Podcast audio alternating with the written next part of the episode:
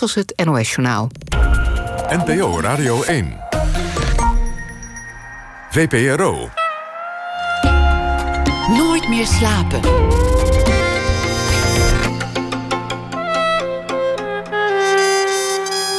Met Pieter van der Wielen.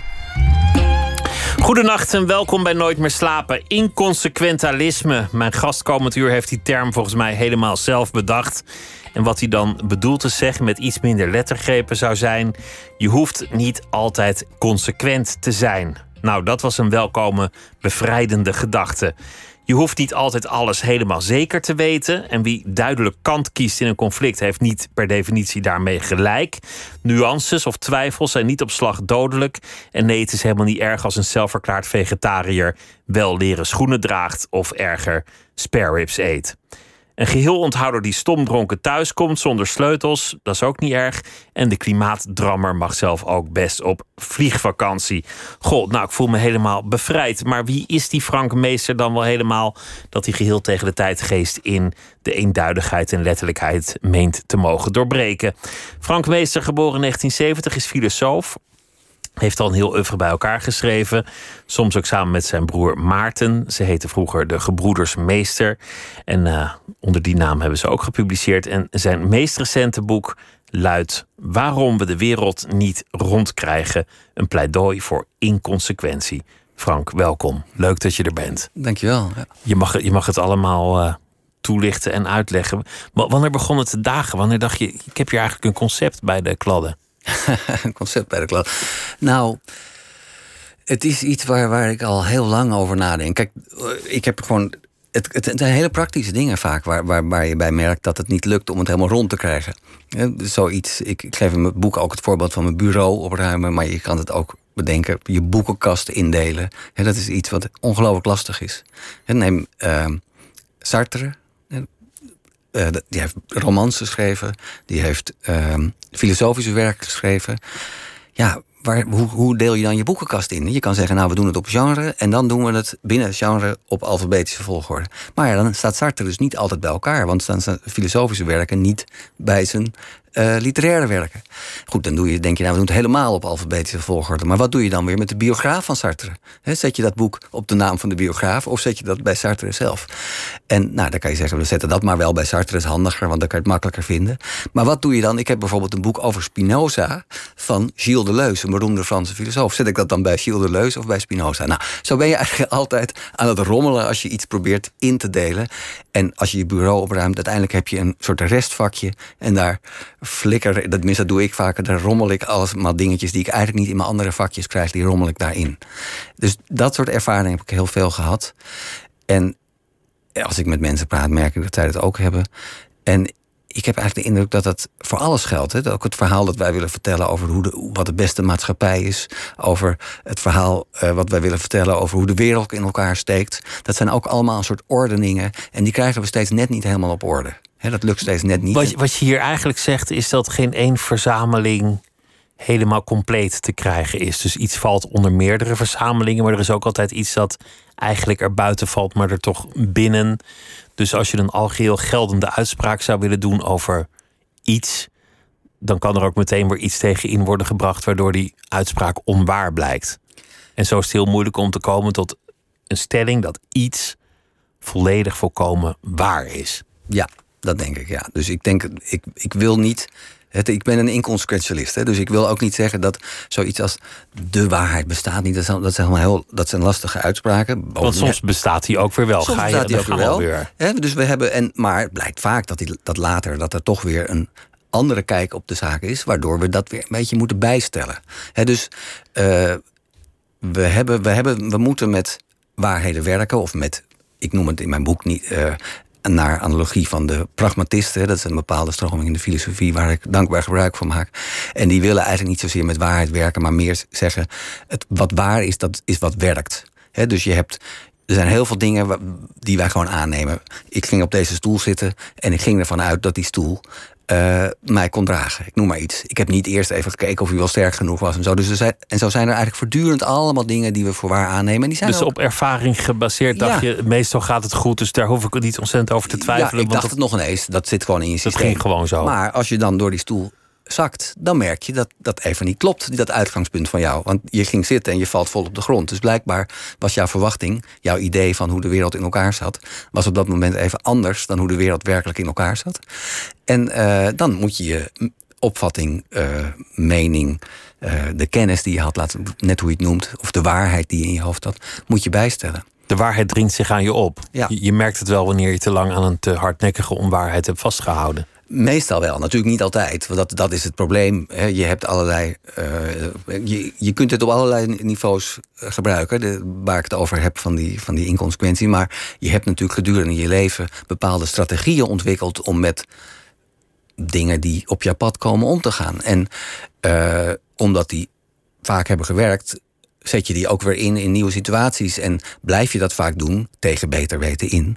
Uh, dus het kan ook tegen je gaan werken. Je hebt niet altijd door dat die, die strategie die je hebt... of dat idee over hoe de wereld in elkaar steekt niet klopt. Omdat je ja, daarin blijft hangen vaak.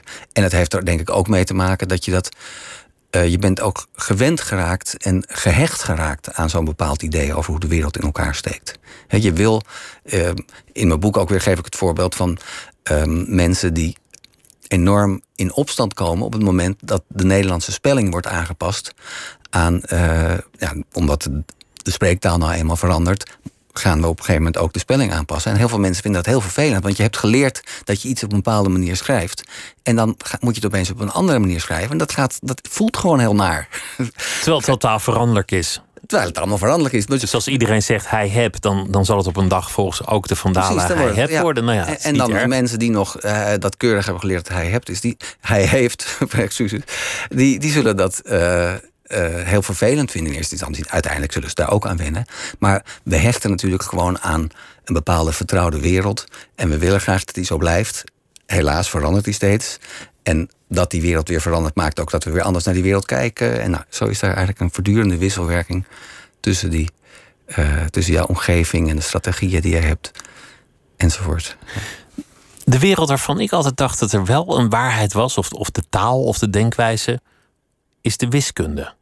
En dat Ja. haal je meteen in je boek even onderuit. Ja, Zelfs in de wiskunde ja.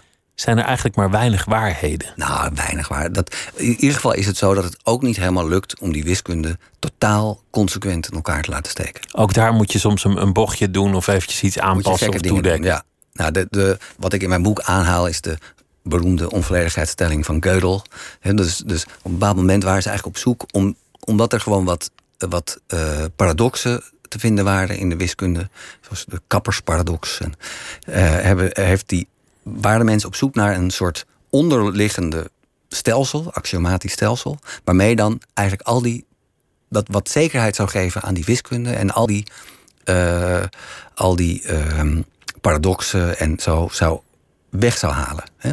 Wat, wat, wat eigenlijk ook werd geprobeerd in de gewone, met de gewone taal. Hè? Want het gedachte was, nou, onze gewone taal, daar zitten allerlei gekke paradoxen in.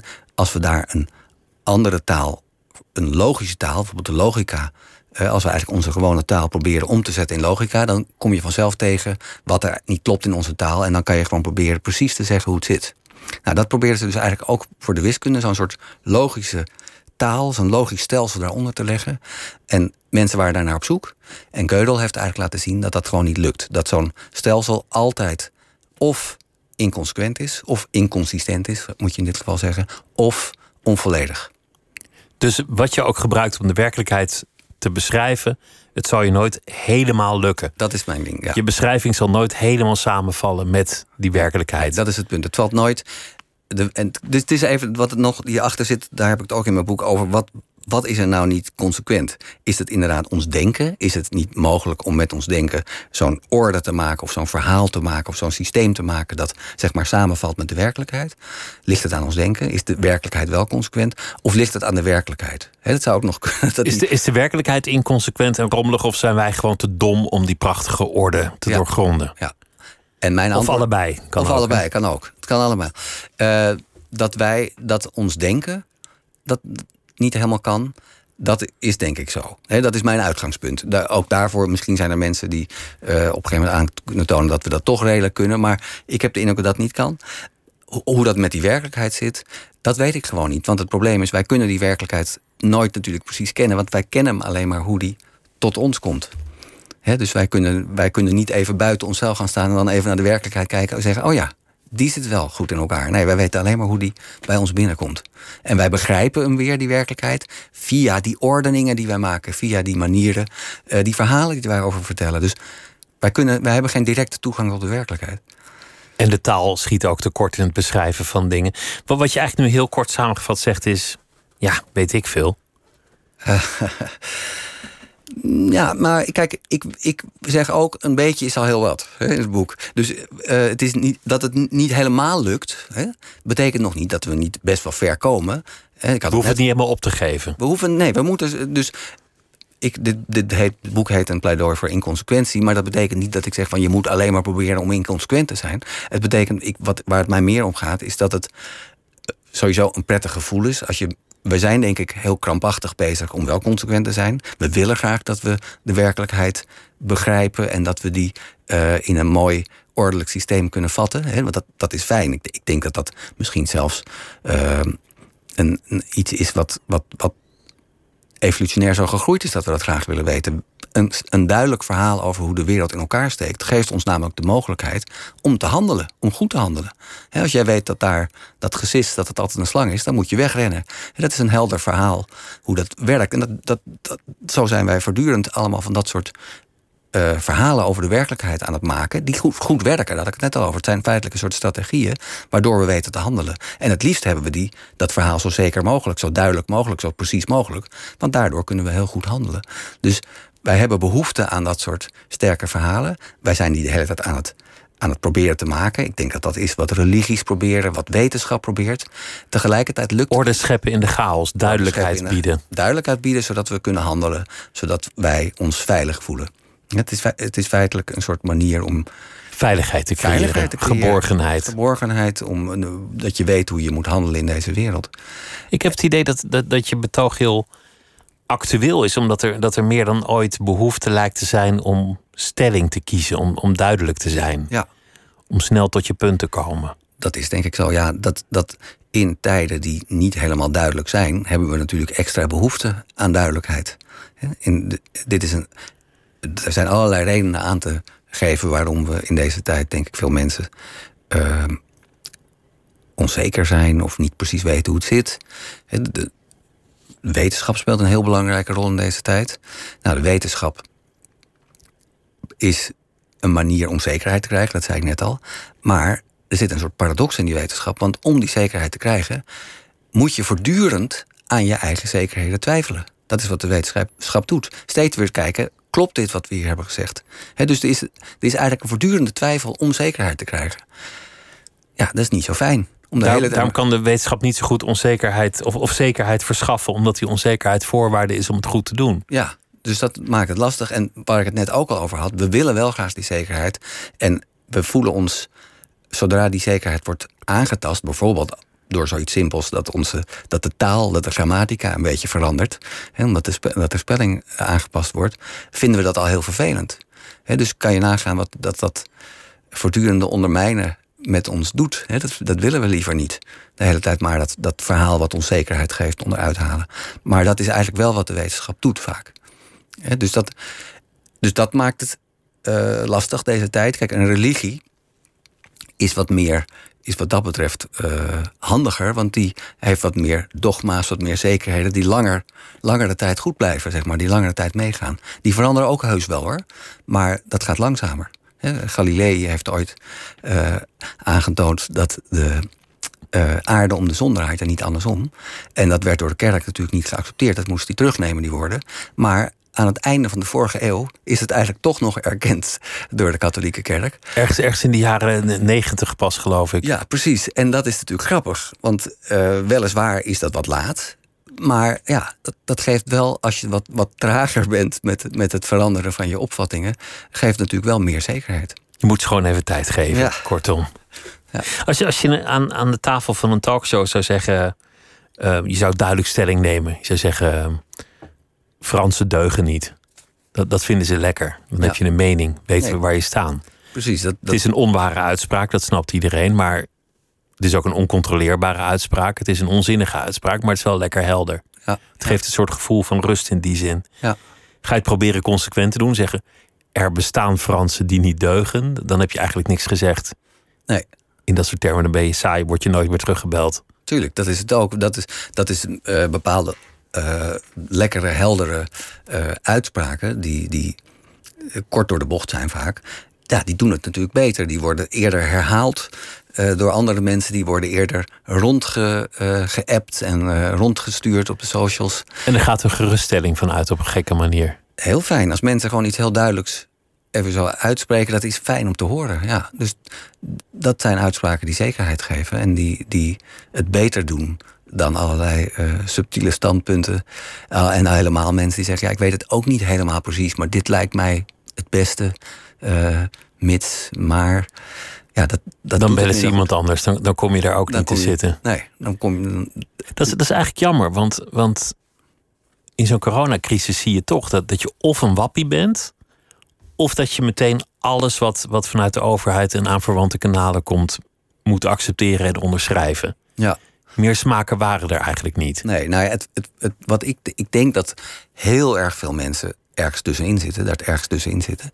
Dat lijkt me ook de intelligente weg, eerlijk gezegd. Dat is de intelligente weg, lijkt me ook. Maar je hoort ze niet zo heel veel. Want het is ook, uh, als je, zodra je iets zegt, word je eigenlijk heel snel in zo'n hoek getrokken. En of je wordt afgemaakt. He, je wordt ook al best wel snel afgemaakt als je een subtiel standpunt hebt. En, dus die, en die mensen zijn vaak ook niet zo zeker van hun standpunt. Want dat is precies het punt. Ze weten het niet precies. Je hebt ook niet alle informatie om een heel precies standpunt te bepalen vaak. Nee, nou je hebt feitelijk natuurlijk nooit genoeg informatie om je standpunt precies te bepalen. Nou dat, is, dat, is, dat, is, het probleem. Maar er zijn natuurlijk, je moet soms natuurlijk gewoon iets doen. En er zijn heus wel mensen die, waar je van zegt, nou ja, die hebben zoveel, hè, die weten er zoveel van af. Dat is wel afgaande op de informatie die we nu hebben, is dat het beste standpunt. Hè? Dus het betekent niet dat je niks kunt zeggen. Dat wil ik zeker niet beweren. Maar um, het betekent in ieder geval dat je altijd voorzichtig moet zijn en altijd een paar uh, slagen om de arm moet nemen. En um, inderdaad, uh, dat je gewoon nooit, dat er gewoon niemand is die over alle informatie beschikt. Dus feitelijk is alle, alle mensen die iets heel stellig beweren, die moet je eigenlijk wantrouwen. Nou, dat, dat, dat vind ik nou eens een, een leuke leidraad. Dat is trouwens op zijn eigen manier ook weer een hele stellige ja, mening. Is ook wel weer een pittige. Bijna alle mensen. Zou, nou ja, daar ga je misschien beter. Bijna alle mensen die, die heel stellig zijn, die kan je beter wantrouwen. Hebben we een, een waarheidscrisis of hebben we een autoriteitsprobleem? Wat is er eigenlijk aan de hand? Ja, ik denk dat we een autoriteitsprobleem hebben. Kijk, wat er inderdaad aan de hand is, er wordt wel gezegd, we leven in een post-truth tijdperk. Dus uh, mensen denken natuurlijk aan Trump en aan uh, mensen die ja, wegkomen eigenlijk heel vaak met. met met bouwde stellingen. Met bouwde stellingen en, en soms gewoon overduidelijke leugens en dan anderen als leugenaar wegzetten. Uh, maar wat er volgens mij veel meer aan de hand is, inderdaad, is dat er wordt wel gezegd dat het postmodernisme, dat zou de schuld zijn. Het postmodernisme zegt, nou ja, de, dat zou eigenlijk de schuld zijn van. Dat is de waarheid bestaat niet, alles is gelijk. Alles is gelijk. En, maar ik zie toch wat meer het postmodernisme als een beschrijving van wat er, wat er eigenlijk gebeurd is. Namelijk dat door de komst van de massamedia en nu ook weer door de komst van de sociale media, van het internet, dat er heel erg veel um, meningen, opvattingen te horen zijn, waardoor de dominante opvatting, zeker zin, een beetje ondermijnd wordt. En als ik vroeger de krant las en ik wist ergens wat vanaf, uh, dan, viel, dan viel me al op dat er vaak dingen in een stukje stonden die niet helemaal klopten. Dat kan ook weer niet anders, want daar hadden we het net al over. Als jij een stukje moet schrijven van, van 500 woorden over een complex onderwerp, ja, dan moet je een beetje kort door de bocht dat beschrijven. Je hebt maar een aantal woorden, het is een heel moeilijk onderwerp. Je kunt niet anders. Dus eigenlijk is het altijd al zo, volgens mij, dat er ja, dat er niet, dat er niet, ik wil niet zeggen dat er onwaarheden in de krant staan, maar dat het ook niet allemaal precies klopt. En ik heb de indruk dat het niet zo heel erg veranderd is. Alleen toen ik op de middelbare school zat en we hadden een discussie, als ik zei dan ja, het staat in de krant, dan was eigenlijk discussie beslecht. Want, dat, dat was een gezagsdrager. Ja, de krant was een autoriteit. En nu is dat, kan dat juist tegen je werken als je zegt het staat in de krant. Ja, want die, de krant werkt allemaal voor de, voor de overheid en dat is, uh, dat is de elite. Of ik noem maar opvatting. Dus er is een soort omdat er gewoon zoveel uh, opvattingen, meningen, uh, conclusies, uh, waarheden te vinden zijn, is er dus een soort, soort soort autoriteitsprobleem. Je kunt zelf je eigen waarheid gaan zoeken als die bepaalde waarheid je niet bevalt. En het is dus niet zozeer dat er een gebrek is aan waarheden, maar er is eigenlijk een soort. En, en ook niet een gebrek aan autoriteiten, maar er is dus eigenlijk een soort inflatie van autoriteiten, zou je kunnen zeggen. Een leiderschapscrisis, waarbij ook het waar is, want mensen van het OMT hebben wel toegegeven dat ze op een aantal punten zich door de publieke opinie hebben laten beïnvloeden, dat ze daaraan hebben toegegeven. Politici doen dat per definitie, dat is in zekere zin hun werk. Dus de menigte luistert naar de, de gezagsdragers en de deskundigen. En andersom ook. Dus theoretisch kan alles ontstaan in zo'n wisselwerking. Ja, dan, dan, dan... Dus er is ook eigenlijk geen gezag meer, want die luisteren weer naar wat ze op Twitter lezen, et cetera. Ja, dus het, het, houdt elkaar in stand. Maar dat is zo. Maar ook dat, dat is misschien meer van deze tijd. En het is ook zichtbaarder, denk ik nu. Dit soort, dit soort mechanismen zijn ook zichtbaarder, waardoor je nog cynischer wordt, zou je kunnen zeggen. Maar ik denk ook dat dat soort dingen al, heel, al op andere manieren hoor, elkaar beïnvloeden. En dat het, het gaat er ook gewoon om dat, dat, een flink grote groep ergens een beetje vertrouwen in heeft. En daar. Uh... Dat je er gewoon bij neerlegt. Dat je zegt: oké, ik weet het niet zeker, maar vooruit. We doen, jij neemt de beslissingen, ik volg. Nou, kijk, als mensen zich heel goed ergens in verdiepen en daar helemaal uh, een, een, een, studie van maken, en dan natuurlijk um, kunnen ze dan meepraten. En ik vind het ook goed hoor, als, als, als leken meepraten en als je die meeneemt in gesprekken en zo. Maar je moet op een bepaald moment toch zeggen: oké, we weten het niet precies. Deze mensen hebben er heel veel verstand van. Laten we maar eventjes die lijn van deze mensen een beetje volgen. Dat, dat, als, je, als je dat niet, als je als je dat niet doet, zeg maar, ja, dan kom je nooit tot handelen. Iemand moet een beslissing nemen. Ooit. Uiteindelijk moet er een beslissing genomen worden, ja. We komen nu bijna in dit gesprek op een punt dat ik jou om zekerheden vraag. Hoe moeten we het nou doen, Frank? Ja. Waar moeten we nou heen? Ja.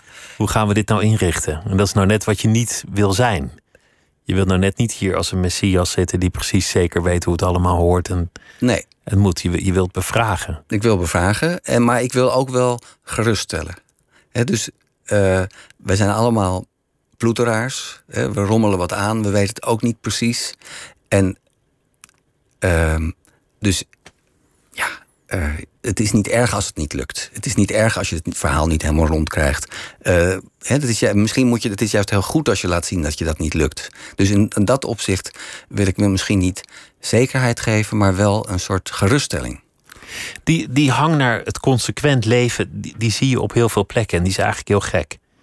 Bijvoorbeeld, je bent tegen liegen. Maar je zou toch niet zeggen dat als je één keer gelogen hebt, dat je hebt verloren. Dat je dus voortaan altijd moet liegen. Nee. Je moeder vraagt: wat vind je van mijn nieuwe schoenen? Jij zegt: Nou, mam, mooi hoor. Ja. En daarna ben je veroordeeld om voor altijd te liegen, omdat je nu tot het kamp der leugenaars bent gaan behoren. Ja. Zo werkt dat niet. Zo werkt het niet, nee. En toch is dat wat mensen hebben met, met vegetariërs zijn. Ja, ik was vegetariër, maar toen, toen ja, zag ik zo'n lekkere kroket liggen. Nu ben ik geen vegetariër meer. Nee. Dat is eigenlijk heel raar.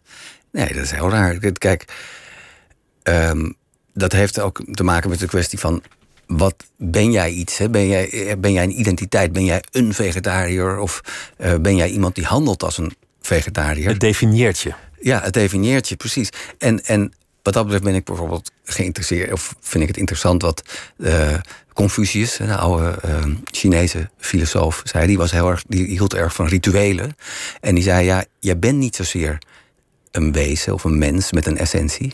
Jij wordt iets in die rituelen, in die omgangsvormen, was ook erg op, op bepaalde omgangsvormen met mensen, die jij samen met iemand hebt. Dus wij hebben de indruk, nou, als je. Uh, met je schoonfamilie uh, moet zijn op een feestje is heel vervelend, want uh, daar kan ik niet zo goed mee opschieten. En hij zou zeggen: nee, je moet gewoon daar op een bepaalde manier, op een prettige manier met je schoonfamilie omgaan. En dan wordt, ontstaat daar dat contact tussen jullie. En daar word jij ook iemand die prettig om kan gaan met zijn schoonfamilie. He, dus dan word je eigenlijk een ander persoon als je met je schoonfamilie bent. Nou ja, dan wanneer je met je vrienden van dat samen te doen. Zou ja, zijn. Door de praktijk van het samen te doen. Dus uh, en dus ook door de praktijk van vegetariër, door dus geen vlees te eten, uh, ben je een vegetariër. En je bent niet een wezenlijk een vegetariër, of niet. Je bent dat door dat niet te doen. En dan zou ik weer zeggen, als jij dat bijna nooit doet, is het natuurlijk helemaal niet zo ramp als jij heel af en toe eens een stukje vlees eet. Dan ben je niet meteen uh, slecht door het of zo. kwaad. Dan ben je niet het kwaad. Sterker nog, die mensen die vlees eten, die zouden beter heel vaak geen vlees kunnen eten. Dat een vegetariër af en toe een stukje vlees eet, is, is niet zo'n ramp. Dan heb je ook nog de hypocritariër. Dat is degene die gewoon roept dat hij vegetariër is, maar zodra je even niet kijkt, een enorme tornado weg met. Ja. Nou ja, op, kijk, ik heb ook een boek geschreven over ijdelheid. En daarin haal ik verschillende onderzoeken aan waar blijkt, waaruit blijkt dat als iemand, uh, als jij nou, bijvoorbeeld, dat is een, ik weet nog een onderzoek, daar moeten mensen wordt gevraagd om geld te doneren. En dan maakt het veel uit of ze weten of diegene voor hen veel geld heeft gedoneerd. Dan doneren ze meer. Dus wij trekken ons, blijkt dat mensen zich veel aantrekken van wat anderen doen. Dus in dat opzicht is het heel goed om te doen alsof je vegetariër bent. Want daarmee haal je al andere mensen om, om dus ook vegetariër te worden. doe je dan al toch iets goeds? Doe je toch eigenlijk al iets goeds. Maar ja, goed, uh, uiteindelijk gaat het natuurlijk ook om dat je geen vlees eet. Want dat vlees eten is. Uh, dat die productie van het vlees is gewoon natuurlijk niet goed. En het is zielig voor die dieren. Dus er zitten allerlei kwalijke kanten aan. Dus wat dat betreft is het natuurlijk nog beter als je ook geen vlees eet. Dat zou ik wel aanraden. Maar nogmaals, als je heel af en toe een stukje vlees eet, ja, wat, wat, hoe erg is dat nou? Nou, het is wel interessant, want, want als jij dat zegt van eet geen vlees, dan, dan, dan krijg ik een soort weerstand. Denk, oh ja, geen vlees. Dat vind ik eigenlijk ook wel weer jammer. En, en dan ga je toch zoeken naar allerlei uitwegen van, uh, ja, maar moet je eens kijken hoeveel ze in China ja, aan babi pangang wegzitten ja. te, te, snijden. Dan, dan kan het, dat biefstukje van mij echt geen kwaad. Dus, dus je gaat proberen je eronder uit te wurmen. Maar die neiging komt ook een beetje door de, de dwang om het consequent te doen. Om, om echt helemaal aan de goede kant te staan. Ja. Nou, precies. Het lijkt een beetje op stoppen met roken. Sommige mensen zeggen, nou, ik wil wel stoppen met roken... maar ik vind het wel een vervelende gedachte dat ik dan nooit meer kan roken. dus als, misschien dat het al heel erg helpt. Ik, ik word vegetariër, maar ik spreek met mezelf af... dat ik toch één keer per maand een lekker stukje vlees eet. Dat misschien dat het veel draaglijker wordt om dan vegetariër te worden. Ja, of gewoon als je er echt heel erg zin in hebt. Of als je er erg zin in hebt, ja. Maar er zit ook een, een, deel in dat iemand betrapt wordt. Dus een politicus die pleit voor, voor maatregelen tegen klimaatverandering. Maar tegelijk wel eens een, een privévliegtuig neemt of, of een, eh, een ja. hoe noem je dat, het regeringstoestel bemand. Die, die is onmiddellijk helemaal door de mand gevallen. Ja, hypocrisie is dat. Ja. En eigenlijk zeg jij van nee, ja, dat is gewoon menselijk, zo gaat het. Dat hoort erbij. Ja, Kijk, het is, ik, ik heb liever een politicus die dat doet. Nou, behalve als hij natuurlijk de zaak heel slecht doet en waardoor mensen uh, vervolgens allemaal in uh, privéjets gaan vliegen. Ik noem maar iets. Maar je hebt natuurlijk meer aan een politicus die tenminste nog probeert beleid te maken en regels te maken waardoor dat soort dingen verboden worden en die vervolgens per ongeluk wel, of per ongeluk, die vervolgens zelf wel af en toe doet.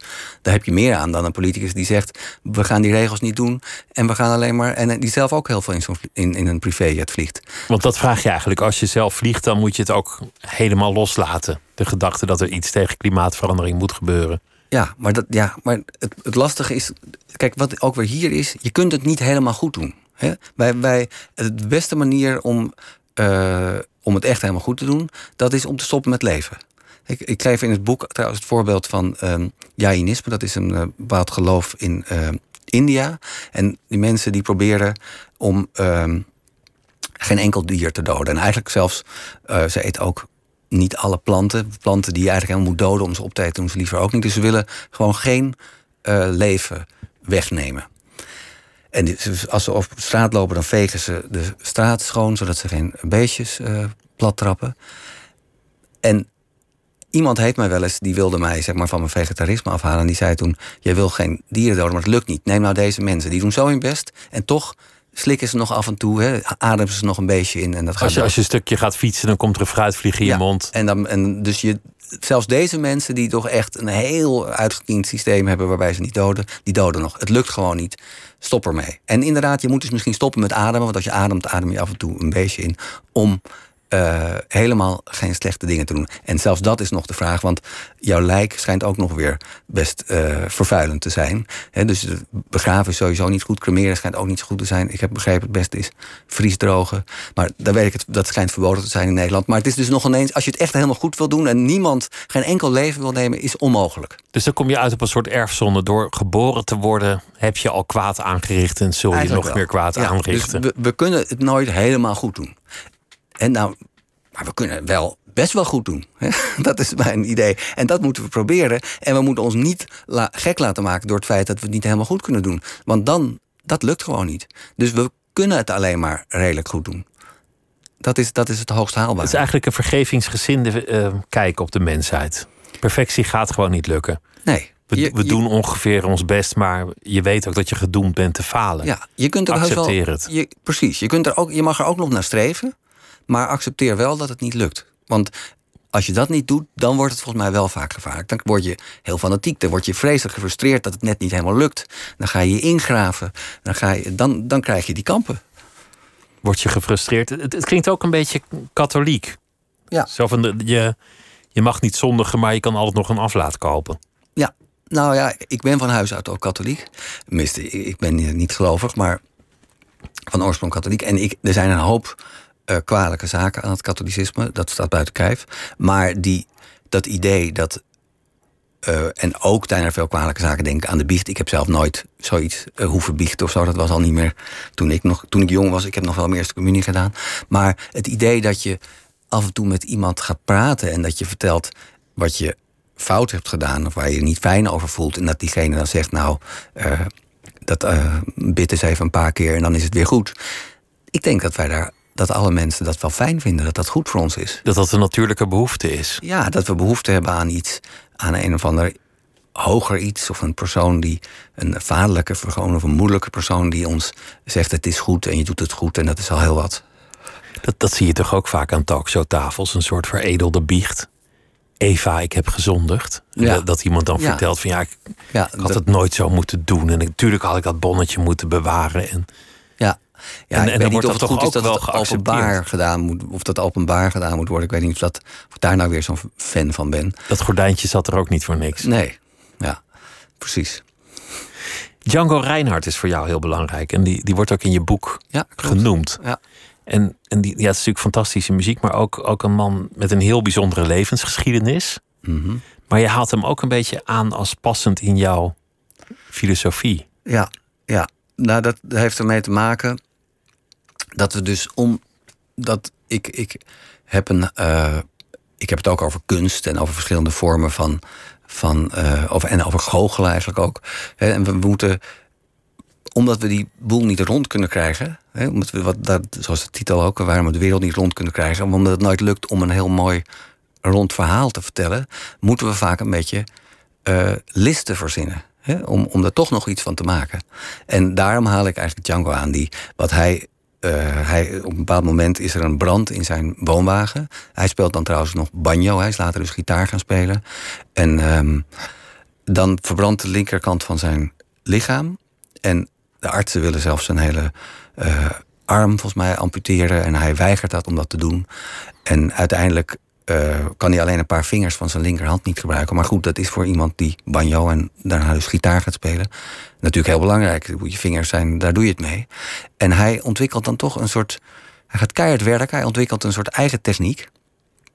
Eh, en ja, hij wordt een van de beroemdste gitaristen ter wereld. Een van de snelste gitaristen ter wereld. En ook een, eh, een van de enige gitaristen, een, een muzici buiten de Verenigde Staten... die school maakt in de jazz. En hij wordt ook een van de eerste gitaristen die echt lijnen gaat spelen. De gitaar was toch meer een, een akkoordeninstrument. En dat heeft natuurlijk ook mee te maken dat met die paar vingers... kan je veel beter lijnen spelen. En niet zo heel goed akkoorden. Eh, dus hij, hij bouwt dat gebrek. Hè. We hebben dus allemaal gebrek, dat is een beetje de gedachte. Het lukt ons nooit helemaal om die wereld rond te krijgen. Het lukt ons niet om dat verhaal te vertellen. Hij gebruikt dat eigenlijk juist als een soort pluspunt. En hij maakt daar iets nieuws van. Zijn zwakte wordt zijn kracht. Want, Ja. want dat is natuurlijk, je noemde religie. Religie handelt in zekerheden. Ja. Wetenschap handelt in onzekerheden, Ja. maar wordt vaak gevraagd om zekerheden. Nou ja, politici die handelen in alles wat zetels oplevert. Ja. Maar, maar de ruimte voor dat inconsequente, die kan je natuurlijk vinden in andere domeinen. In de humor, Ja. in, in de spot, in de kunst. Ja. Als kunst niet eenduidig hoeft te zijn. Als je, als je niet aan de, de kunstenaar gaat vragen: wat heb je nou bedoeld? Wat moet ik hier nou in zien? Ja. Sta je wel aan de goede kant. Maar als je, als je toelaat dat dat niet helemaal duidelijk is, is dat eigenlijk de plek waar die menselijkheid kan toelaten. Ja, nou, dat is Ik weet niet of het alleen de kunst is, maar eh, inderdaad, eh, de kunst, kunsten eh, gaan vaak het is niet helemaal duidelijk waar het voor is. Hè. Het is dus niet een. Het is zinloos, feitelijk. Precies, zinloos. Dus er is niet dat idee van efficiency, wat natuurlijk heel, in heel veel domeinen in het leven, uh, in de, de, huidige maatschappij een belangrijke rol speelt. En waarbij het dus altijd efficiency heeft alles te maken met uh, consequent, helder. Hè. Dus daar zou je dat niet zo snel vinden. En terwijl bij de kunst is het niet helemaal duidelijk waar het om gaat. Uh, daar is, dat is een soort vrije ruimte waar ehm, dingen kunnen ontstaan uh, die juist zeg maar in die, uh, in die gaten die in het gewone systeem eigenlijk zitten. Hè, want dat, dat is het idee. Het krijgt het nooit helemaal rond, maar dat probeer je een beetje weg te, te moffelen.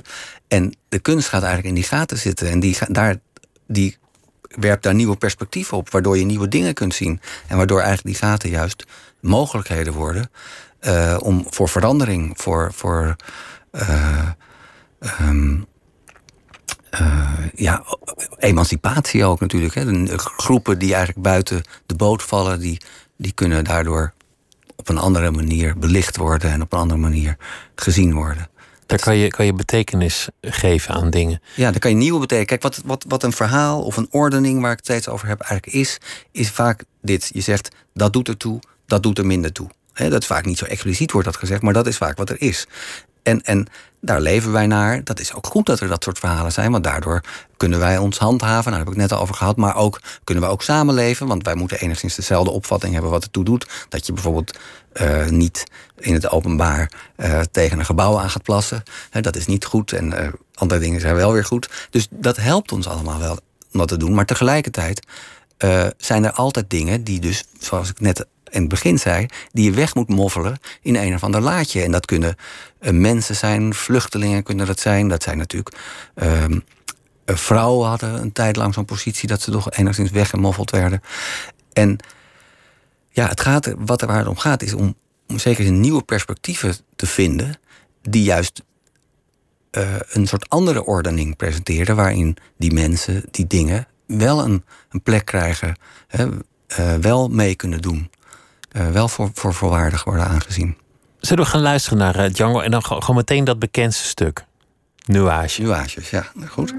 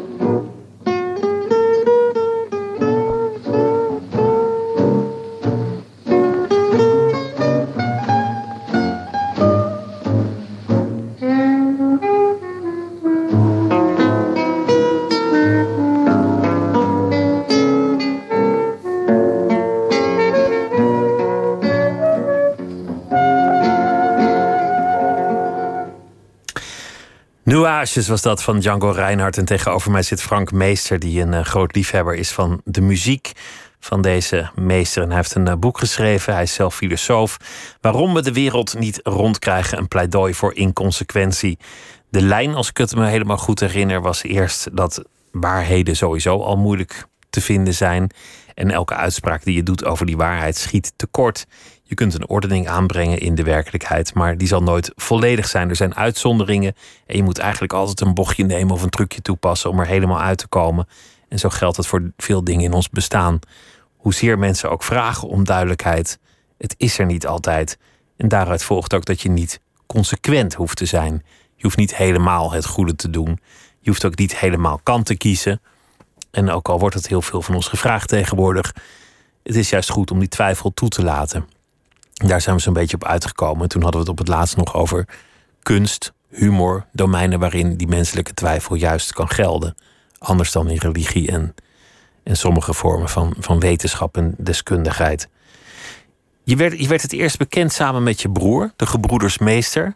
Jullie, jullie deden heel veel op fora, heel veel optreden samen, ook veel schrijven, artikelen, boeken, dat soort dingen. Klopt. Dan zijn er ook nog andere broersmeester, maar die, die zijn geen filosoof geworden. Nee, zijn- maar mijn- iets technisch gaan doen, Delft. Klopt. Ik heb, wij, ik heb drie broers. En dus mijn oudste twee broers die zijn allebei, eh, eh, hebben allebei elektrotechniek gestudeerd. Ja. En mijn jongste broer, maar hij is ook ouder dan ik, en ik, wij hebben allebei filosofie en literatuurwetenschap gestudeerd.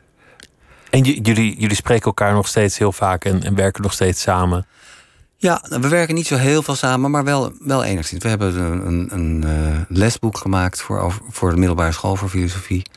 En daar zijn we nog wel, doen we nog wel dingen voor samen. Ja. Hoe, hoe kwam dat vak van de filosofie op jouw pad eigenlijk? Nou, dat kwam ook wel weer. Kijk, hij, mijn Maarten, dus mijn broer, die heeft eigenlijk heel veel dingen eh, zeg maar uitgeprobeerd. En ik kon dan van zijn uitprobeersels leren. Dus hij is 3,5 jaar ouder. Dus hij hield erg van lezen. Net als ik trouwens. Maar toen is hij, dan lag het voor de hand om Nederlands te gaan studeren. Toen is hij Nederlands gaan studeren. En toen daarna dacht hij, nou ja, Nederlands, dat is, het gaat alleen maar over Nederlandse literatuur. Laat ik algemeen literatuurwetenschap gaan doen. En toen zat ik nog steeds op de middelbare school. En toen, toen kwam hij erachter dat hij bij algemene literatuurwetenschap vooral filosofie heel leuk vond. Want dat, daar zit wel veel overlap. En door hem ben ik toen ook filosofieboeken gaan lezen en zo. En toen ik ging studeren. Ik wilde ook trouwens heel veel dingen doen. Ik wilde graag naar de kunstacademie. Ik, wilde, ik was met muziek bezig. En ik was Gitaar spelen ook. Gitaar spelen, ja. Eh, en eh, acteren wilde ik ook graag. Naar de toneelschool. Maar dat vond ik toch allemaal wat te spannend. En toen dacht ik, dan ga ik dat filosofie doen. want Dat vond ik heel leuk. En ik vond het ook fijn dat, het, dat ik nog totaal niet wist wat ik ermee kon gaan doen. Dat, dat het zo, juist eigenlijk zo'n rommelige keuze was. Ja, of rommelig, weet ik niet of het is. Maar in ieder geval dat het gewoon... Ik kon er geen voorstelling van maken... van wat ik nou speciaal met het filosofie ging doen. En dat vond ik eigenlijk een heel fijne gedachte. Want daardoor Want je, je hebt van die mensen die, die dan vragen: en waar studeer je voor? Ja, en daar kon ik geen antwoord op geven. Was er, was er ook strijd met je broer? Eh, eh, Is het eh, Nou, misschien valt op een wel mee. Het fijne was, dat hij is 3,5 jaar ouder. En dat is, nu is het natuurlijk niet zo'n groot verschil meer. Maar toen was dat wel... eh, Als je, nou zeker natuurlijk toen ik 10 was... maar ook nog als je 15 bent, dan is dat toch echt een groot verschil. Dus ik ben, die strijd denk ik nooit zo heel erg aangegaan met hem. Omdat het, die was toch niet te winnen. En hoe ziet een kerstdiner er dan uit in, in Meester? Nou, er werd. Kijk, eh, mijn, mijn ouders. Ik vertelde al dat, ze, dat ik nou, van het katholieke huizen ben. Maar zij zijn allebei niet echt mm, actief eh, gelovig meer. Maar ze zijn wel altijd zoekende gebleven. Ook wel veel in, meer in de spirituele hoek en zo. Dus dat soort dingen werden wel veel besproken bij ons. De En- zin van het bestaan en zo. Ja, wel. En daar waren ook wel veel discussies over. En ehm, dus er werd wel veel gediscussieerd bij ons. Ja, ook bij het kerstdiner. Juist misschien bij het kerstdiner. Ja. Dat, dat lijken me hele leuke discussies. Want ik heb jullie een keer samen zien optreden op, op zo'n zo'n filosofieavond. Volgens mij Felix Meritus, echt, echt lang geleden. Ja. Maar, maar dat, dat is buitengewoon levendig en, en eh, welbespraakt. Als jullie tegen elkaar ingaan over iets. ja, maar goed, toen hadden we al filosofie gestudeerd. En toen we dat natuurlijk thuis, nu inmiddels wel. Dan nou, het zijn inderdaad af en toe dat soort gesprekken. Ehm, dus inderdaad, het is zo. Soms gaan we fel tegen elkaar in. Kijk, ik had met mijn broer samen hadden we een soort. ehm, dus we lijken veel op elkaar. Maar hij was wel altijd veel strikter eigenlijk wat dat betreft. En ik wat meer, nou ja, was ik toen misschien al een inconsequentialist. Maar ik wat, was wat meer van de, ja, zou je kunnen zeggen, wat meer romantisch. En wat, meer, ehm, wat minder van de wetenschap, wat meer van de literatuur. En hij was wat, wat strikter in de leer. En zo stonden we eigenlijk tegenover elkaar. Dus we hadden, dat hadden we ook wat uitvergroot natuurlijk in die boeken. En we hadden op een gegeven moment ook een column in de Volkskrant. En daarin hebben we dat heel sterk tegenover elkaar gezet. En zo fel ging het er bij ons thuis nou ook weer niet aan toe. Want we moeten toch ook wel een beetje leuk houden met onze andere broers. wel, maar blijven. op het toneel hadden we daar natuurlijk wel... daar gingen we er vol op, los op elkaar. Ja. Het is eigenlijk het mooie van, van het vak van, van filosofie, dat het de brug slaat tussen die disciplines. Tussen, tussen de, het kan heel wetenschappelijk worden, maar, maar het kan ook echt naar literatuur toe gaan. Ja. Bij, bij de richtingen zijn wel mogelijk. Dat klopt, ja. En eh, eh, ja, sommige mensen zeggen dat er eigenlijk nauwelijks verschil is tussen literatuur en filosofie. Dat eh, alleen literatuur veel beter geschreven is. Dat zit in allebei zit een soort opvatting over hoe de wereld in elkaar steekt, hoe een bepaald onderwerp werkt. Alleen in de filosofie is dat wat explicieter beschreven. Iemand zegt zo zit het, terwijl in uit een literair werk blijkt dat wat meer. En dat is wat mooier geschreven. Maar het zit natuurlijk vaak heel dicht bij elkaar. Dat pleidooi voor het inconsequente geldt hier ook. Als je een filosofisch systeem via een roman zou willen uitleggen, wat natuurlijk prima kan, en je zou het consequent doen, zou het waarschijnlijk geen mooie roman worden. Ja, Terwijl als je het inconsequent doet en je, je personages ook af en toe een andere richting in laat slaan, heb je, heb je waarschijnlijk een, een mooier boek. Ja, nou, maar dat vind ik ook wel vaak het bezwaar van, van filosofische romans. Eh, nu heeft iedereen weer De Pest gelezen van Camus. En uh, ik vind Camus fantastisch hoor. Maar De Pest, dat, dat hoofdpersonage Rieu, dat is een soort. Ja, zie ik toch een beetje als de, de absurde held van Camus. Hè. Camus dat idee heeft dat idee van de absurde held. Uh, hij zegt eigenlijk. Um, als we aan het universum vragen van nou, wat is de zin van het leven, dan is een doodse stilte het antwoord. Uh, dus dat weten we gewoon niet, wat de zin van het leven is. En uh, er is heel veel ellende hier op de wereld. En we weten niet wat de zin daarvan is. En wat doet die absurde held? Die erkent helemaal dat, dat, dat hij dat niet weet, maar die strijdt er toch tegen. Nou, dat boek, De Pest, gaat over een pestepidemie. Uh, en daar is die arts Rieu en die gaat daartegen strijden. Dat is echt een absurde held. Een stad in isolatie stad, en hij precies. stijgt boven zichzelf uit en wordt, ja. wordt de held van het verhaal. Ja, maar tegelijkertijd vind ik hem zo'n... Ja, ik vind hem nauwelijks een mens. Toch? Hij is, hij is Dat zo'n held is. Hij is zo goed. Hij, hij, gaat nachten door en hij heeft met iedereen is hij betrokken. En ook bij zijn moeder heeft hij nog aandacht voor. Die, en nou ja, dat, ik vond hem ook. Ik heb het herlezen natuurlijk uh, in, in voorjaar 2020.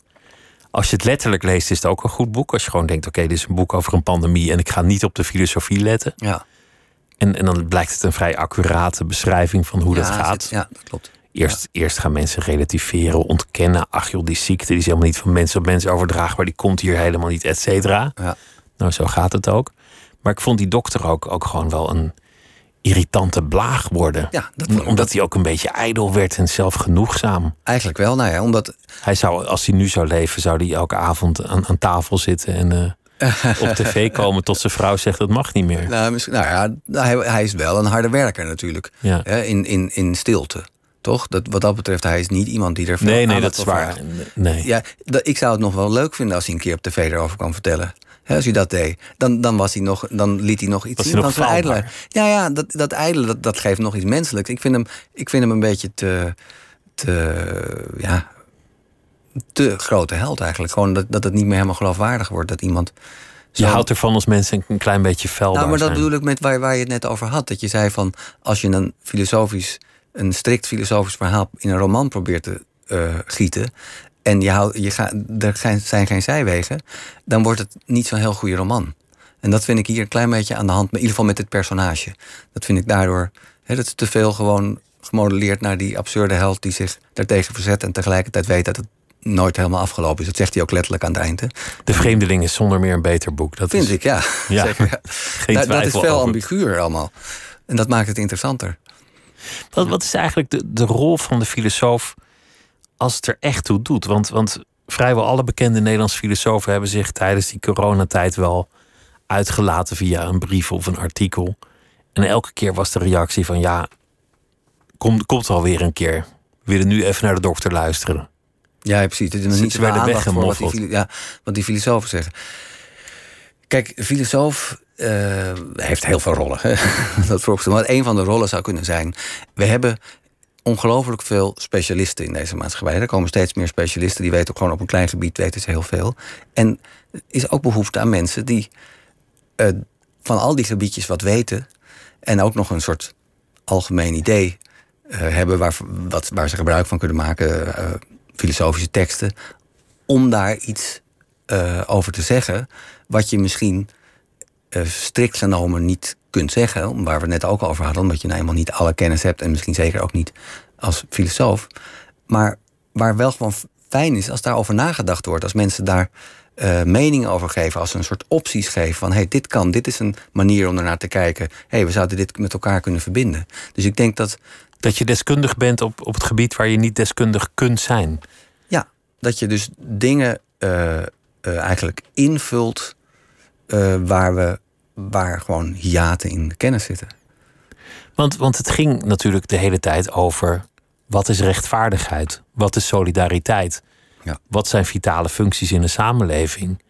Welk, welk leven is aanvaardbaar? Waar gaat het om in je leven? Gaat het om in leven blijven?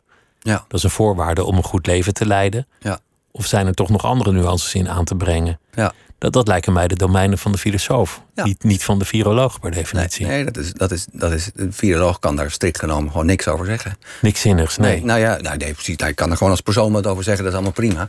Maar natuurlijk niet, die gaat niet, kan niet zeggen, we moeten dit leven afwegen tegen dat leven. En, maar is denk ik heel lang, in dat opzicht ben ik het bijvoorbeeld eens met, met Marley Huijer, die zich hier veel over heeft uitgelaten. eh, voormalig denker des vaderlands. Een dokter. Dus, En- dus en dat, geeft, ook, dat ja, geeft er al een beetje een witte Ja, jas. nee, maar is heel erg de nadruk gelegd op het redden van levens. Heel sterk. Dus dat ten koste van, van alles eigenlijk. Ten koste van bijvoorbeeld eh, veel psychisch leed. allerlei, eh, ja, en natuurlijk ook gewoon economische ellende. Eh, op allerlei fronten is dat al maar, maar dat redden van levens is, is het belangrijkste geweest. En je kunt je afvragen of dat inderdaad het, eh, belangrijkste is. En of het ook werkelijk ehm, eh, goed heeft uitgepakt. Of dat ook werkelijk deze manier eh, de juiste manier is. Hè? Dus, dus met de vaccinaties, eh, de, enorme nadruk daarop. Er zijn nu allerlei aanwijzingen waaruit blijkt dat bijvoorbeeld, omdat als je die ziekte hebt gehad, dat je veel beter en langer beschermd bent dan door een vaccinatie. Dus eh, ja. Ik, ik, bedoel, ik weet daar niet genoeg vanaf hoor. En ik ben ook. Dus ik, Nee, dat heb ik ook steeds. Dat, komt- dat, je uiteindelijk de kennis niet hebt. Maar Dus het is heel lastig om daar iets over te zeggen. Maar ik denk dat zeker. Ik heb natuurlijk veel naar Marley geluisterd en zij is ook nog arts. Eh, zij geeft daar heel goede argumenten voor. En ik vind dat heel waardevol wat ze daar zegt. Juist ook als filosoof. Dat ze dus dat soort dingen eh, met, met andere subtiele verhalen komt. En dan hebben we het ook weer over waar we het aan het begin eh, over hadden. Dat je dus heel erg aan een van de kampen wordt je ingetrokken. Eh, zij komt eigenlijk met subtiele tussenverhalen. Die juist een filosoof eh, die veel kennis heeft en zij helemaal, omdat ze ook nog arts is, van al die gegevens over, over corona, kan, heel goed kan doen. het was ook moeilijk praten over corona. Ik kan me herinneren dat als iemand dan zei dat hij tegen de avondklok was... of niet geloofde dat dat iets toevoegde... dat er dan meteen reacties kwamen van... wil je soms dat mijn oma doodgaat? Ja, nee, precies. Maar dat is. Dat is, En dat, is natuurlijk iets anders. Ik, Ja. ik wil niet dat je oma doodgaat. Ik denk alleen niet dat dit een oplossing is. Ja. Dat, dat moet toch nog wel uit te leggen zijn. Maar dat, dat lukte eigenlijk meestal al Nee. niet. Nee, nee en dat, dit is precies dat punt wat zij bedoelt. Eh, Ik wil niet dat je oma doodgaat. Dat is alleen maar focus op eh, het redden van levens. Het, het kosten wat kosten voorkomen dat er mensen eh, doodgaan. Terwijl er natuurlijk op andere fronten ook heel veel mensen doodgaan. Eh, bijvoorbeeld omdat mensen eh, niet geholpen konden worden, omdat de ziekenhuizen helemaal vol waren. Eh, helemaal bezet waren door corona dergelijke. Dus, dus het is een hele moeilijke afweging die je steeds moet maken. Misschien is het ook wel zo doordat mensen geen echte antwoord hebben op de vraag van leven en dood. En, en wat, de vraag wat eigenlijk een goed leven is en een zinvol leven. Dat er daarom zoveel focus komt te liggen in simpel, puur een lang leven. Ja, is- Lang, lang zal die leven, wat hij verder doet, maakt niet zoveel uit. En waarom die leeft, dat vragen we ons al helemaal niet af. nee, nee, en hoe te leven, helder. geen idee als Ja. het maar lang duurt. Dat is zo. Dat is zo. Dat is, dat is helder. Dat is iets waar je gewoon uh, beleid op kunt maken, zeg maar. Terwijl het wordt allemaal heel ingewikkeld als je dat. In kwaliteit moet gaan, ja. gaan definiëren ja. of wat dan ook. Hoewel, hoewel het natuurlijk wel gedaan wordt. Hè. Stiekem wordt het toch ook steeds gedaan. Dat als je kijkt naar die discussies over bijvoorbeeld medicijnen voor zeldzame ziektes, dan zie je gewoon dat die soms. Ja, die zijn gewoon heel duur. En dan kan je voor datzelfde geld kan je met een ander medicijn, met een andere ziekte, heel veel mensen redden. En daar wordt het eigenlijk gewoon uh, wordt een afweging gemaakt. Wordt er toch uiteindelijk gerekend uh, ja. onderaan de streep. Ja. Ik ben blij met het uh, betoog om inconsequent te leven. Ik deed het eigenlijk altijd al. Ik denk dat we het allemaal altijd nou, al deden. Dat is de menselijke conditie. We kunnen niet anders. Dat is mijn idee. Het enige is alleen dat we, dat we toch stiekem nog heel vaak denken dat we het wel kunnen. En dat maakt het zo lastig. Maar we zijn allemaal ieder mens is een inconsequentialist. Dat is zo mooi van uh, deze filosofische stroming. Alle mensen zijn aanhanger ervan. Of ze nou willen of niet. Of ze willen of niet, ja. Dank dat je te gast wilde zijn, eh, Frank Meester. En het uh, boek heet Waarom we de wereld niet rondkrijgen. Pleidooi voor inconsequentie. En dit was uh, Nooit meer slapen voor deze nacht. Morgen dan zijn we er weer. En zometeen op deze zender kunt u luisteren naar uh, Miss Podcast. En morgen is mijn gast Erwin Roebroeks. Een hele goede nacht. Tot morgen.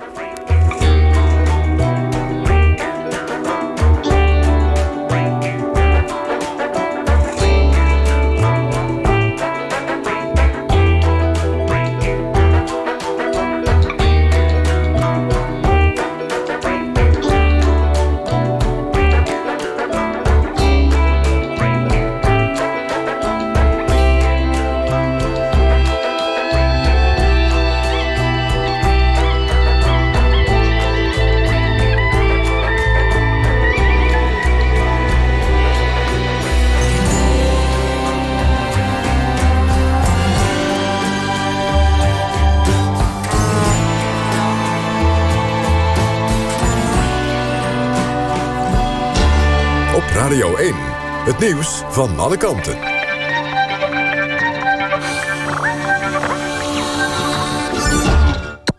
NPO Radio 1.